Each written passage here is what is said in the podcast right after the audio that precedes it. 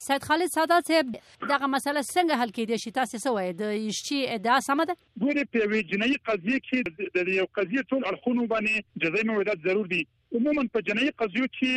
درې نوع اشخاص ضرور دي هغه هغه په کې شریک په داس لوی قضیو کې یو فاعل د جرمي بل چې وي هم فعل د جرمي بل شریک د جرمي اوس دلته د ایشچي د قضیې په ارتباط موږ ویلی شو چې دلته فقط او فقط یوازې د مجرمینو همفعالان په نظر کې نیول شوي دي، اصلي فاعل او د جرم شریکان ته برت ورکول شوی دی یا د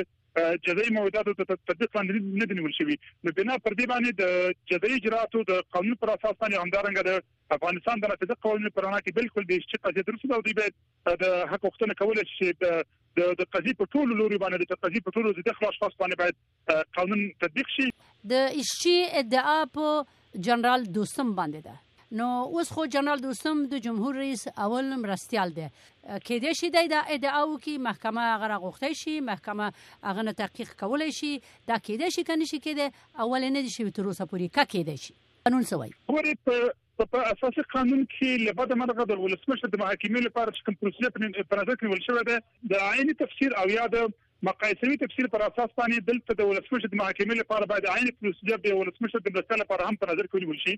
دا به ډېره تخنیکي او ډېره مشکله اوسي چې ترڅو د د جنرال دوستم د محاکمې لپاره د محاکم او زموږ اساسي قانون په کلي توګه باندې تطبیق کاندي چې جنرال دوستم اوس په یو قدرت کې دی هغه د ولسمشر لومړی مرستیال دی، په عین زمان کې هغه د بیروني قدرت نه هم برخوردار دی، ډېره ستونزه په قانون کې د ابهام او د پیچیدګۍ پر اساس ده، ځکه د ولسمشر د مرستیال لپاره د محاکمې هېڅ نوع تعریف نه دی شوی، د ولسمشر د مرستیال د محاکمې لپاره د عدلي او قضايي تعقیب لپاره په قانون کې هېڅ ځای کې داسې مواد موجود نه دي چې تر څو محاکمو ته یې رهنمایي وکړي او لارښود اوسي، د بنان د قانون ابهام او په عین زمان کې د دویم په قدم کې د قدرت شتون او د ولسمشر د لومړي مثال چې دغه پوزیشن او دغه قدرت بالاخره دده دا دی دی باید شوی وای چې ددې قضیې پر وړاندې باندې محاکمو ته ستونزې ایجاد کاندي. دغه خلا چې په قانون کې موجوده ده تر څو چې دا خلا موجوده وي نو دغسې جنایي قضیې به نه حل کیږي بله له بده مرغه تر څو چې اساسي قانون کې په دغه برخه کې تعدیل را نشي او یا د ولسمشر د حکم پر اساس د ولسمشر د مرستیال لپاره د ځانګړي محاکمې پروسیجر تعریف شي له بده مرغه په قانون کې به دغه څه خلاوي او موږ به د عدالت د نقص په موارد کې د عدالت د ماتولو په موارد کې د زهر یو جام دی چې ولس لپاره دغه ځای کې قرار لري. کله چې جنرال صاحب دوستم په دې مقام کې نه وي بیا هلته قانون څه وایي؟ که چېرته د ولسمشر د مرستیال پوزیشن څخه وروسته دغسې اشخاص لکه جنرال صاحب دوستم بیا نور جنایت ترسره کوي، هغه هغه ته د یو عادي فرد په توګه باندې کتل کېږي، هغه کوم قضايي او حقوقي مسؤلیت نه لري. د ولسمشرۍ چوکۍ نه وروسته بیا هر وخت کولای شي په ده باندې قضیه اعاده شي او د قضیې د یادو مقابل کې باید محاکم په ده باندې حکم کاندي. دلته ګټه او نقص څه دی چې دغه یو فیصله شوې ده قانونا ګوره د قانون د منطق او د مقنن د نظر په بعض موارد کې د ولسمشر یا مثلا د پارلمان د اعضاو لپاره یا د وزیران لپاره یا د حکومت د دولت لړکول شواکل لپاره بعض وخت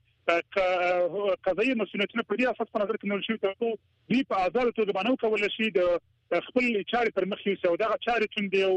ملت رهبری کول دي او دولت رهبری کول دي نو په دې اساس دغه کوم منطق د دې ایجاد کوي چې باید د قضایي مسوولیت څخه یو د حکومت او د دولت لوړ پوړي چارواکي برخوردار شي دوی خپل امورات د خپل چارې په ښه توګه باندې ترسره کاندي او دغه قوانين چې جوړ شوي دي اساسي قانون یا نور قوانين چې جوړ شوي دي دا خو د دې لپاره جوړ شوي دي چې حکومت په هغه عمل وکړي چې ولس آرام وي نو که ولس ناراضه وي دلته بله دلته او دخې دغه د ولس د ارامتیا خبره هم په دې کې ده چې د دوی مشران په آزاد توګه باندې کار وکولای شي کله چې یو قضیه یاد کیږي د چا پر وړاندې نو هغه د تعقیب او تحقیق پروسې مخ پر وړاندې وړي چې د ولسمشر مرستيال یا مثلا د نور له پوچا باندې باندې داوی قامه کیږي او هغه هر وخت د تعقیب د قضیه تعقیب راځي او تحقیق کوي فکر کوم د دې په کارونو کې سختګي راځي دا مستقیما د ولس پر ژوند باندې اغیزه په منکه راسي نو د دې منطق پر اساس چې ولس دې په اړه کې وسی لږ خطر په نظر کې نیسي او ډېر خطر څخه باید بچ شي په دې کې فقط د مصلحت په نظر کې نیول شوی دی او دا مصلحت په دې معنی چې کولس کولس په دې کې په نسبي ډول متضرر کیږي ولې په لویه کې باید د یو خطر څخه نجات پیدا کړي چې هغه د قضایي مسولیت خبره ده. خالد سادات صاحب که چیرې د حکومت یو غړی،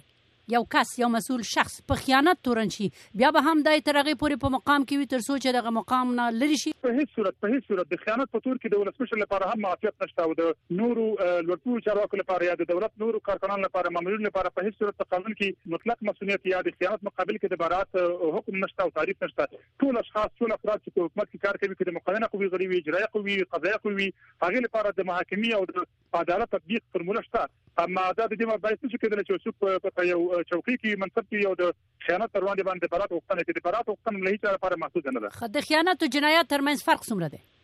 وزن دی کله چې موږ تاسو جنایت تعریفو د جنایت وزن کم دی نسبت خیانت ته جنایت حتی د افراد لپاره مطرح کیږي د خصوصي افراد لپاره یا د شخصي افراد لپاره فزیکي افراد لپاره اما خیانت په لوی کې د حکومت د مسؤلینو او د حکومت پر اف یا په د وزارت پر اف یا د اداري پر اف کې اوسې کوي د غې د لوري تر تر کې ډیره مننه سید خالد سادات صاحب کور دی ودا